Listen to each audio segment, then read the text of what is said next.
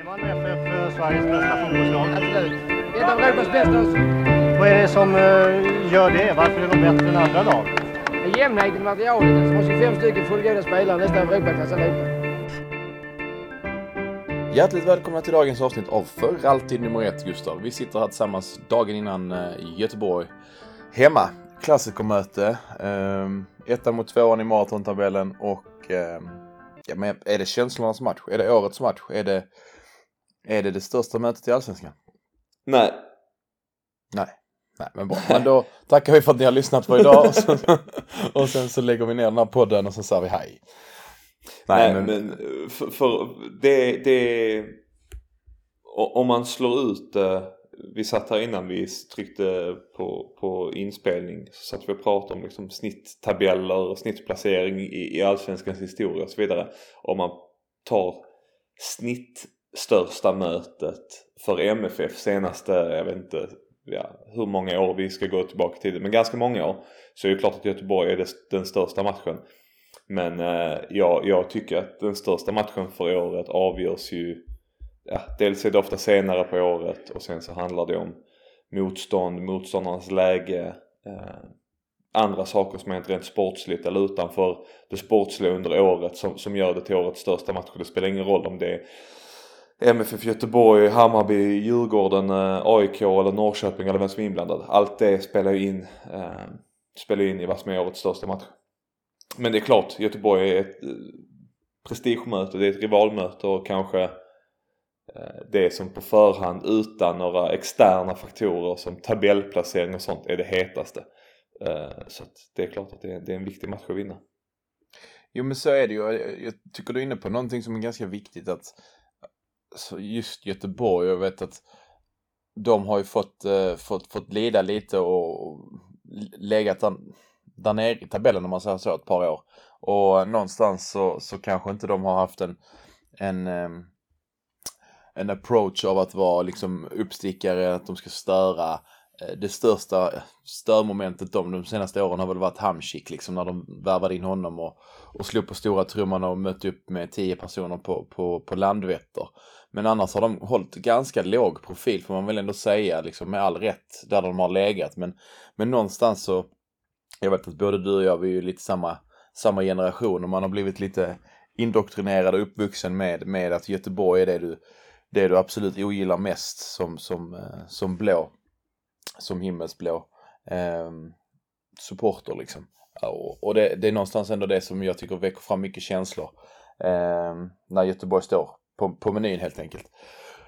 Och det är kryddat med lite sådana detaljer som förra året om den här Gvargis utvisningen och den här sjukt orättvisa 3-2-segern till, till Göteborg på Stadion som, eh, som nu tillsammans med, med deras tabellplacering och deras start eh, någonstans får, får eh, leva upp till kanske en av de hetaste matcherna för året.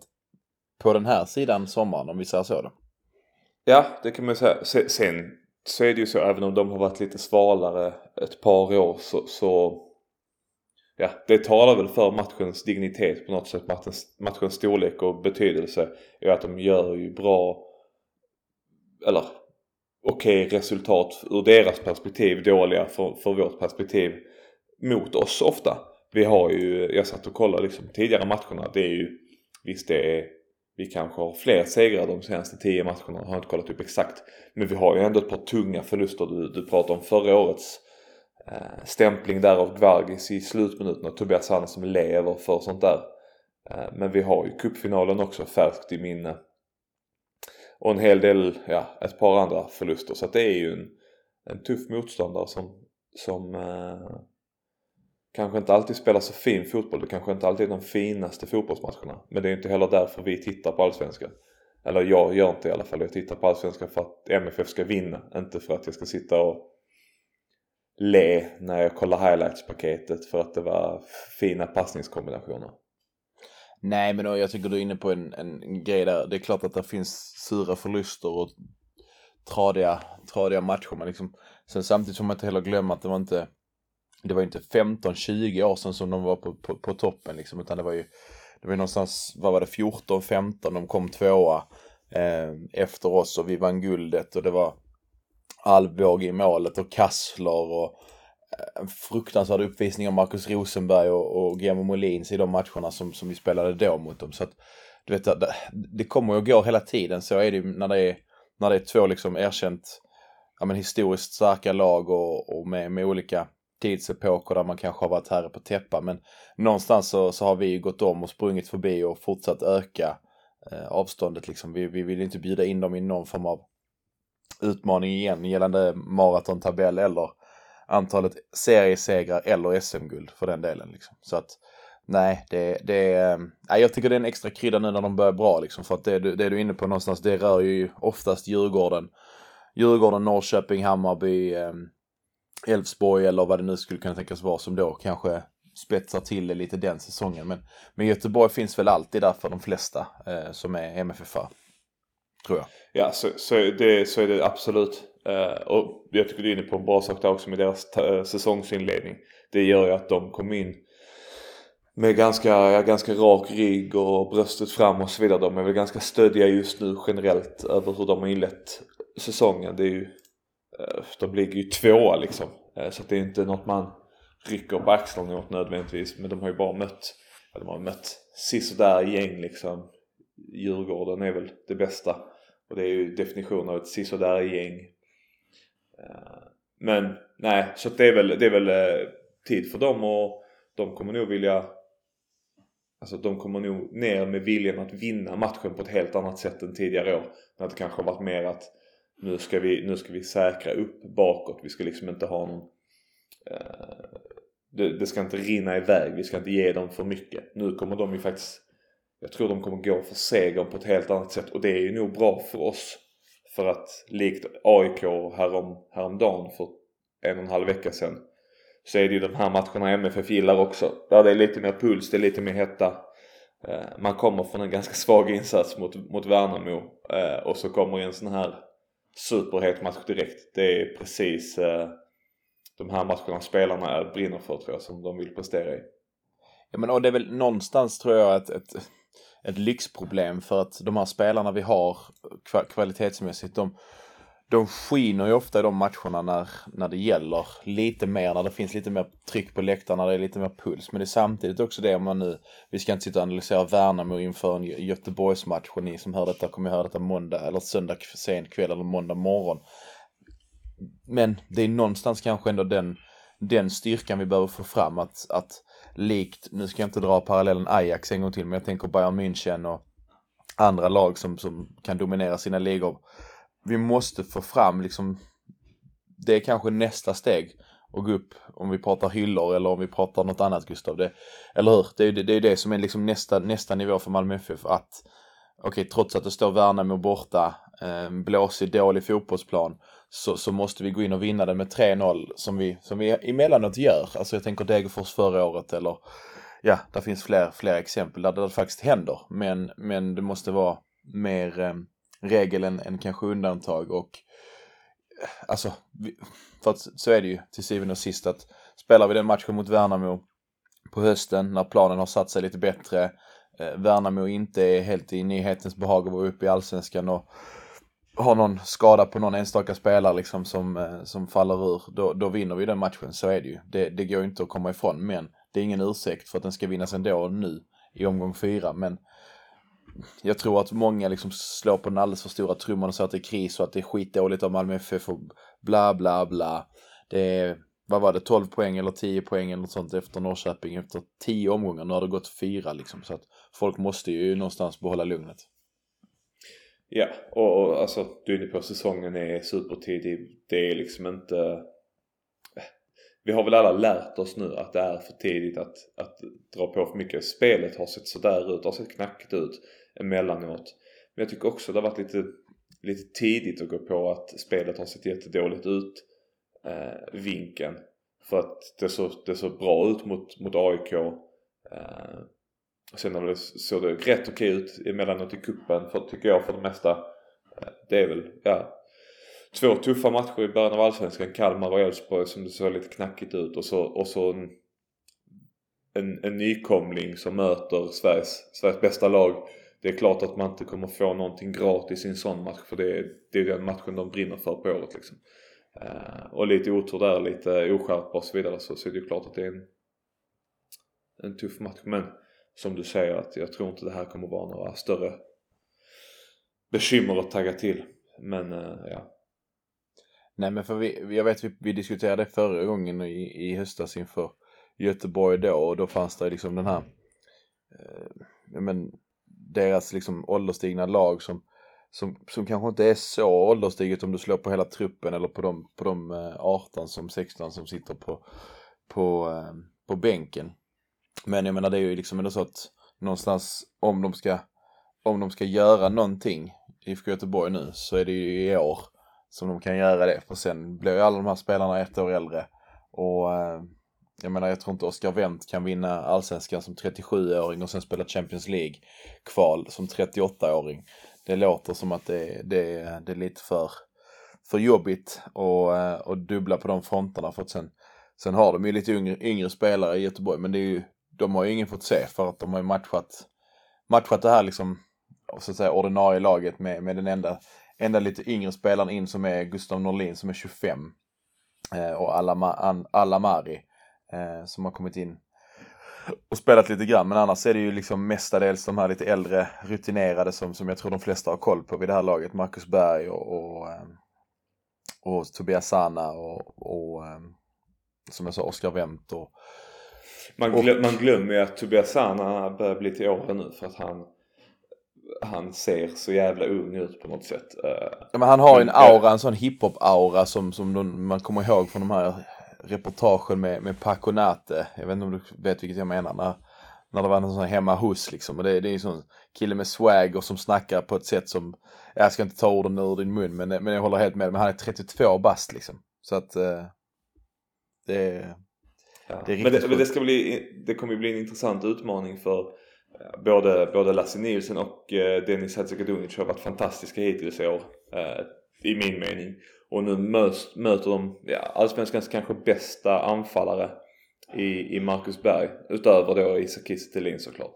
Eh, så att det är ju verkligen en utmaning nu att liksom ställas mot honom eh, som har ganska mycket internationell rutin, ganska mycket så internationella knep som jag inte tror att typ Bahoui har eller eh, Antonsson för den delen eller Per Frick liksom. Så att Marcus Berg kommer ju vara en extra tuff utmaning. Eh, kommer säkert smälla lite mer. Så det gäller ju att man har koll på honom. Och där tycker jag att Hadzikadunic har varit fantastiskt bra speciellt i, i början av året i, i luftrummet.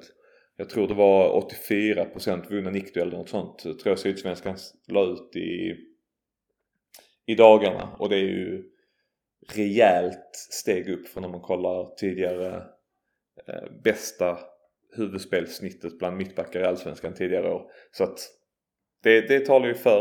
Eh, båda är ju gott så att säga. Eh, sen finns det ju ett par sådana här matchen i matchen som kommer att vara intressant.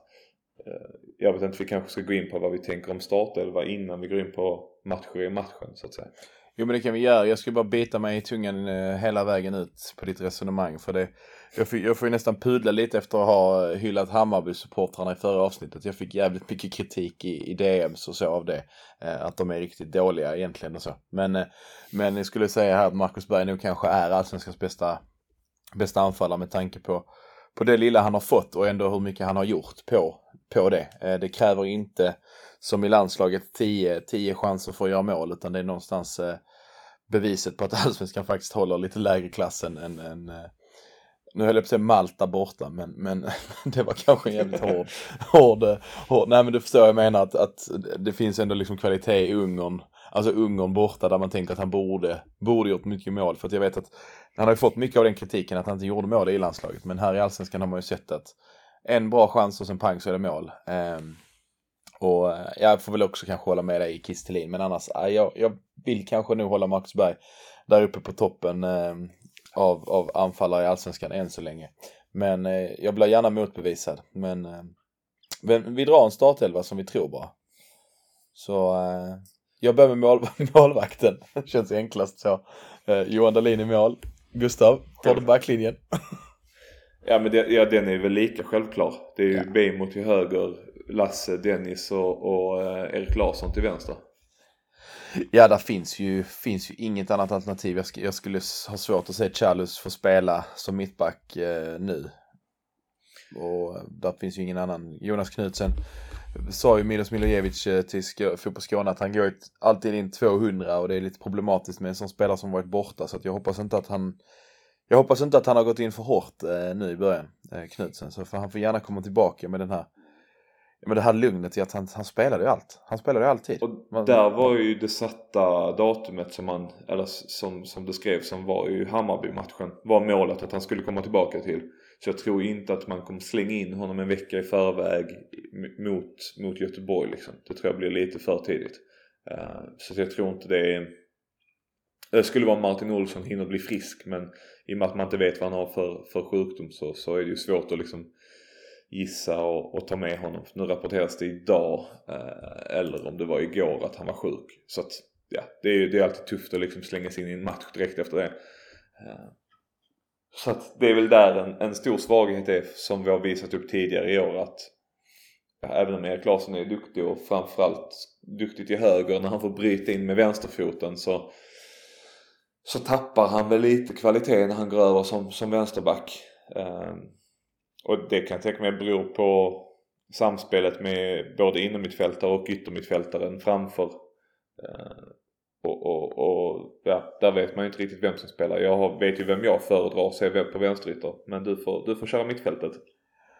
Ja, nej, men jag skulle bara koppla på där också på, ehm, på, på just det här med ytterbacks eh, problematiken. För att jag vet inte om du såg eh, Djurgården-Göteborg? Det gjorde jag inte, nej. Nej, nej för där var det ju, där var det i första halvlek, eh, Aiesh hade ju rätt så mycket lekstuga med Radetinac emellanåt som fick hoppa in som vänsterback när Pierre Bengtsson eh, och Check har varit skadade. Eh, så att det är väl lite oroväckande där, men nu, nu är ju å andra sidan Erik Larsson en mer skolad ytterback och, eh, och har egentligen begränsningen i uppspelen ju. På, på, med vänsterfoten. Men, eh, men vi får hoppas att inte, att inte det blir ett problem att, att Aiesh eh, får liksom lite mer spelutrymme det hade varit fint med Olsson där mot, mot Aiesh. Men, men eh, jag tror nog Larsson Aiesh verkar ju för övrigt vara för första gången i hela sin karriär verkar han ha hamnat i en, en, en period där han faktiskt gör lite poäng framåt. Han gör inte bara överstegsfinter och tappar ut bollen över kortlinjen eller slår ett inlägg som är 700 meter för långt. Utan nu har han faktiskt gjort något poäng hittills i år. Så att det är ju inte... Det, det kan ju vara en, en lite tuff motståndare nu på mer än det här tekniska sättet så att säga. Absolut. Nej men jag, jag, plockar, jag plockar mittfältet som jag, jag tror, eh, det blir inga förändringar där heller. Eh, jag tror att Rakip, vad det verkar, är frisk va. Så då spelar man väl med, med Lewicki och AC tillsammans med Rakip. Det är ju möjligtvis Penja in som vi pratade om förra gången när vi drog en startelva. Men där vi inte fick rätt. Eh, men det är nog lite grann så att, att jag gissar att Milos Milos eh, tänker att Peña kan vara bra att få in på plan när det antingen behövs lirkas upp ett, ett låst försvar hos Göteborg eller, eller till och med kanske om man är i ledning behöver hålla, hålla i boll och vinna lite boll. Om Göteborg ligger på så tror jag Peña kan vara en, en lite bättre spelare att slänga in än, eh, än kanske Rakip. Ja men det är det som är svårt. Nu är ju Peña med i truppen även om det, ja, sen är det ju svårt. Har han varit lite, lite små upp och ner och haft problem med låret eller vad det var, eh, vaden.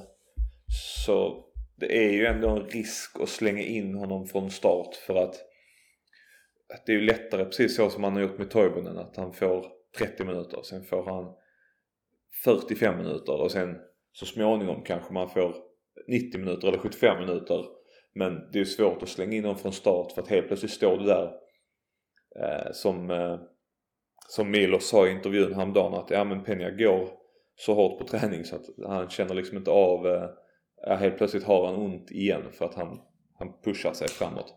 Eh, så det är svårt att slänga in en spelare där i match direkt och, och ja, jag tror som du, jag tror på det mittfältet och så tror jag på jag tror på samma anfall som vi har sett hittills. Berget, eh, Kiese och Birmancevic. Även om Eh, jag kanske hellre hade sett Sören Rex från start i just den här matchen.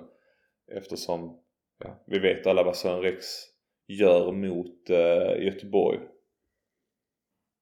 Jag är inte, jag köper inte den. Jag, jag tror inte det blir så och jag vill inte heller att det blir så. Jag, jag, jag tror att Rex startar ute till vänster och sen tror jag att Toivonen startar istället för Kistelin.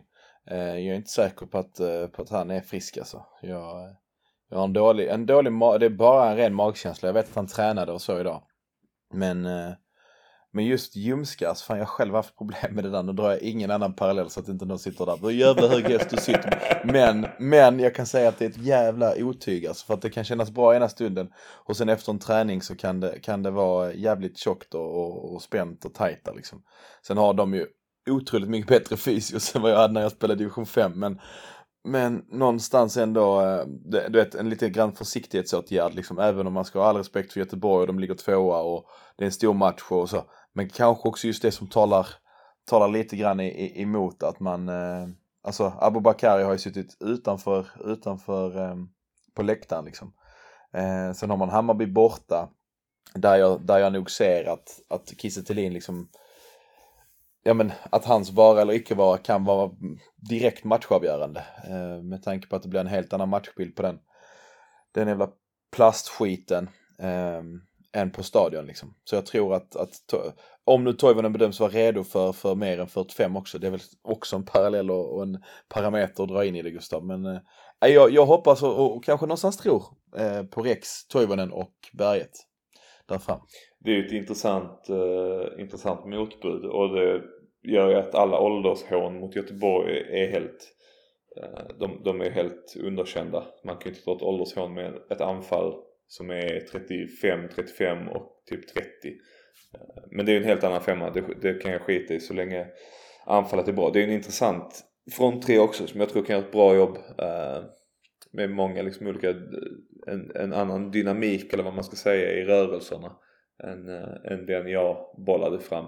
Jag tror att mycket av både Penjas, eh, Penjas eh, medverkan och Kiese Thelins medverkan det avgörs ju på förmiddagen. Eh, man ser hur de, hur de mår, hur de har det för stunden. Sen så avgör det väl lite om de sitter på bänk eller på läktaren eller startar. Det är svårt att gissa men jag tror att är Kiese Thelin frisk nog för att träna idag så tror jag att han kan nog vara frisk nog för att spela imorgon. Ja, så är det ju absolut. Det, det, det, det är mycket möjligt. Det är som sagt, jag, jag kanske någonstans också bara vill vara lite försiktig i min, i min eh, i min profetia om startelvan och ut, alltså utfallet imorgon och, och framöver liksom. Ehm, och därför säger jag som jag, som jag gör. Men, eh, men en annan, jag tycker vi ska bara bolla upp som sista punkt kanske, det är ju Birmancevic. För att någonstans som någon skrev att, att snacka om att, att försöka spela in en spelare i form och inte sätta honom på bänken när det går dåligt. Men någonstans det här bytet som gjordes i halvlek var väl ganska så, eh, så talande för att inte heller Milos är nöjd med med hans prestationer de senaste tiden eh, och det är ju liksom alltså nu tänker jag ju och både, både refererar till, jag vet du kanske kommer avsluta den här podcasten med mig, men, men fantasymässigt så var det en spelare som på förhand alla hade i sitt lag i princip och eh, en spelare alla trodde på för att men, det är en poängspelare, det är en, en spelare som, som tar sig till avslutslägen som går på avslut men nu helt ser, ser, ser ut som en annan typ av fotbollsspelare. Och äh, jag vet inte, jag tror att jag tror att man måste väcka det där genom att kanske slänga in då Sören Rex som, som ju har allt att vinna mot, ett, mot, ett, uh, mot sin tidigare klubb. Och älskar att möta IFK Göteborg. Uh, av den anledningen. Så just kanske då att, att Birmancevic får sitta på bänken, se, se Rex ha show och sen bli inbytt. Och eh, kunna slappna av lite och inse att okej, okay, men det är lugnt, jag behöver inte ta hela lasset själv. Jag vet inte Gustav. Det där är en jättesvår grej som, som jag är glad att jag inte behöver ta beslut i. Men vad, vad säger du och vad känner du kring Birmancevic? Nej men jag, det är ju så. Eh, det är ju inte så man, man ljuger ju lite för sig själv om man säger att uh, han, han, har gjort sig välförtjänt av att starta och uh, och, och, om man säger att han inte kanske borde få inleda en match på bänken och på det sättet så är det här den perfekta matchen. För precis som du är inne på, Rex brinner för den här matchen.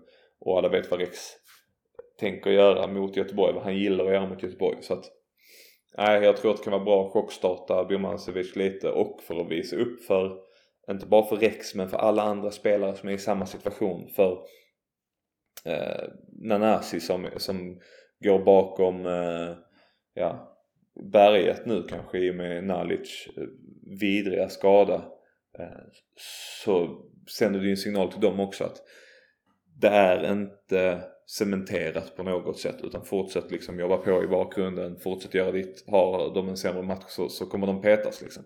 Eh, på så sätt är det viktigt och jag tror Ja, jag har nog svängt. Jag tror att Rex startar för att den, inte bara för att Birmancevic har varit svag. Eh, men jag tror också det här psykologiska. Eh, det psykologiska, strategiska. Den biten av att låta Rex starta den här matchen tror jag, tror jag att Milos förstår och tar med i beräkningen. Absolut och det är, det, det är bara att stryka under på den här absolut vidriga skadan som, som Nalic råkar ut för. Men det som, som jag skrev till dig att alltså det är ju faktiskt så att, att det någonstans gynnar kanske Malmö FF i det långa loppet med en skada på Nalic för att hans kontrakt är utgående och vad jag vet så, så är det inga liksom förlängningar och tänkta förlängningar på det utan, utan det hade nog gått ut och sen hade han lämnat som, som bossman eventuellt. Och, ehm, och nu står vi där med Nanasi som är ett steg närmare på att spela och Hugo Larsson som är ett steg närmare på att spela.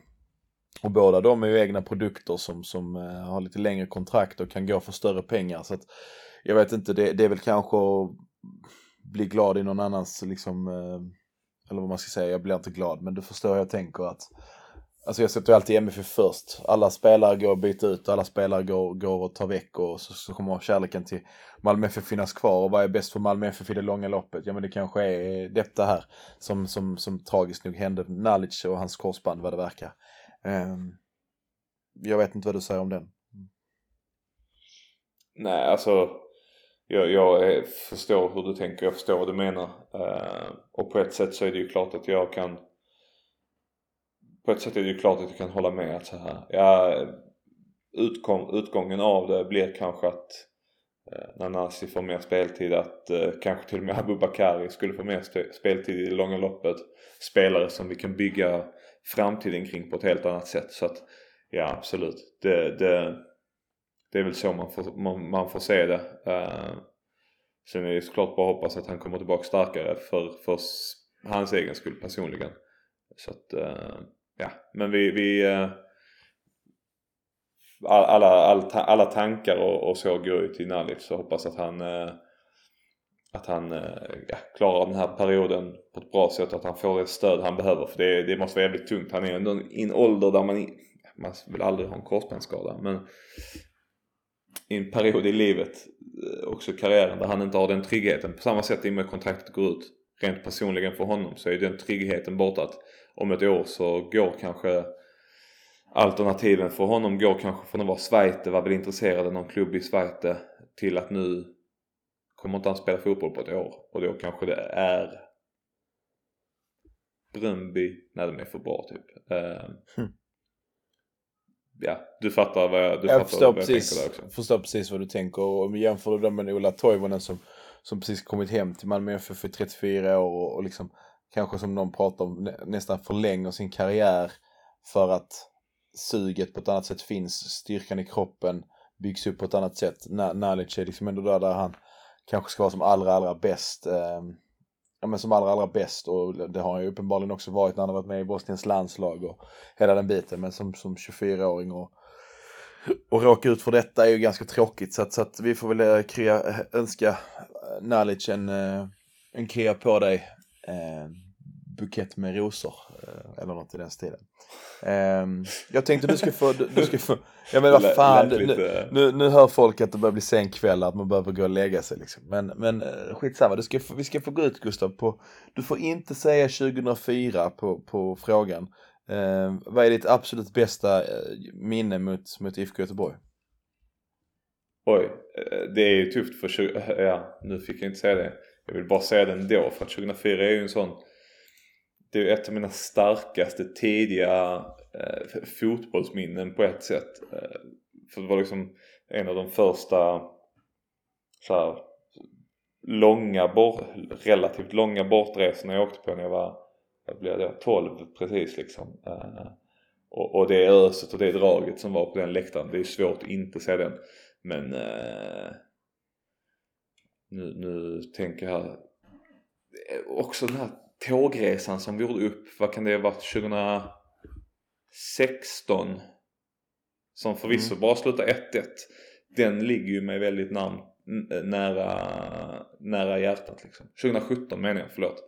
Eh, med, med tåget som support fixade upp eh, det långa Öresundståget och det mäktiga tifot på gamla Ullevi, nya Ullevi menar jag. Herregud, att man alltid går den jävla fällan på vilken, vilket Ullevi som är vilket.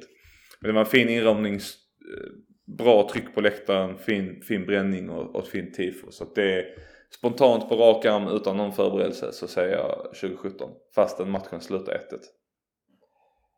Yes, nej men då, eh, då håller vi väl där, eh, tänker jag, och avrundar. Det, ehm, jag har redan nämnt, nämnt min, det är ju den här den här sagolika passningen från, eh, från eh, är det, det är Rosenberg va? Som slår den till Gische som eh, går i djupled och som lobbar, lobbar eh, John Alvbåge och skickar Mattias Bjärsmyr rakt in i, i, i nät som en liten kassler. Den är, eh, nej. Det är, Alvbåge har man många, många fina ja. med på något sätt. Det är också ja. den här eh, bearnaisesås i handskarna. Ja. Exakt. Eh, men det är väl ett långskott från Gische, eller relativt långskott från ja. Gische i någon, exakt, någon, någon exakt. annan match.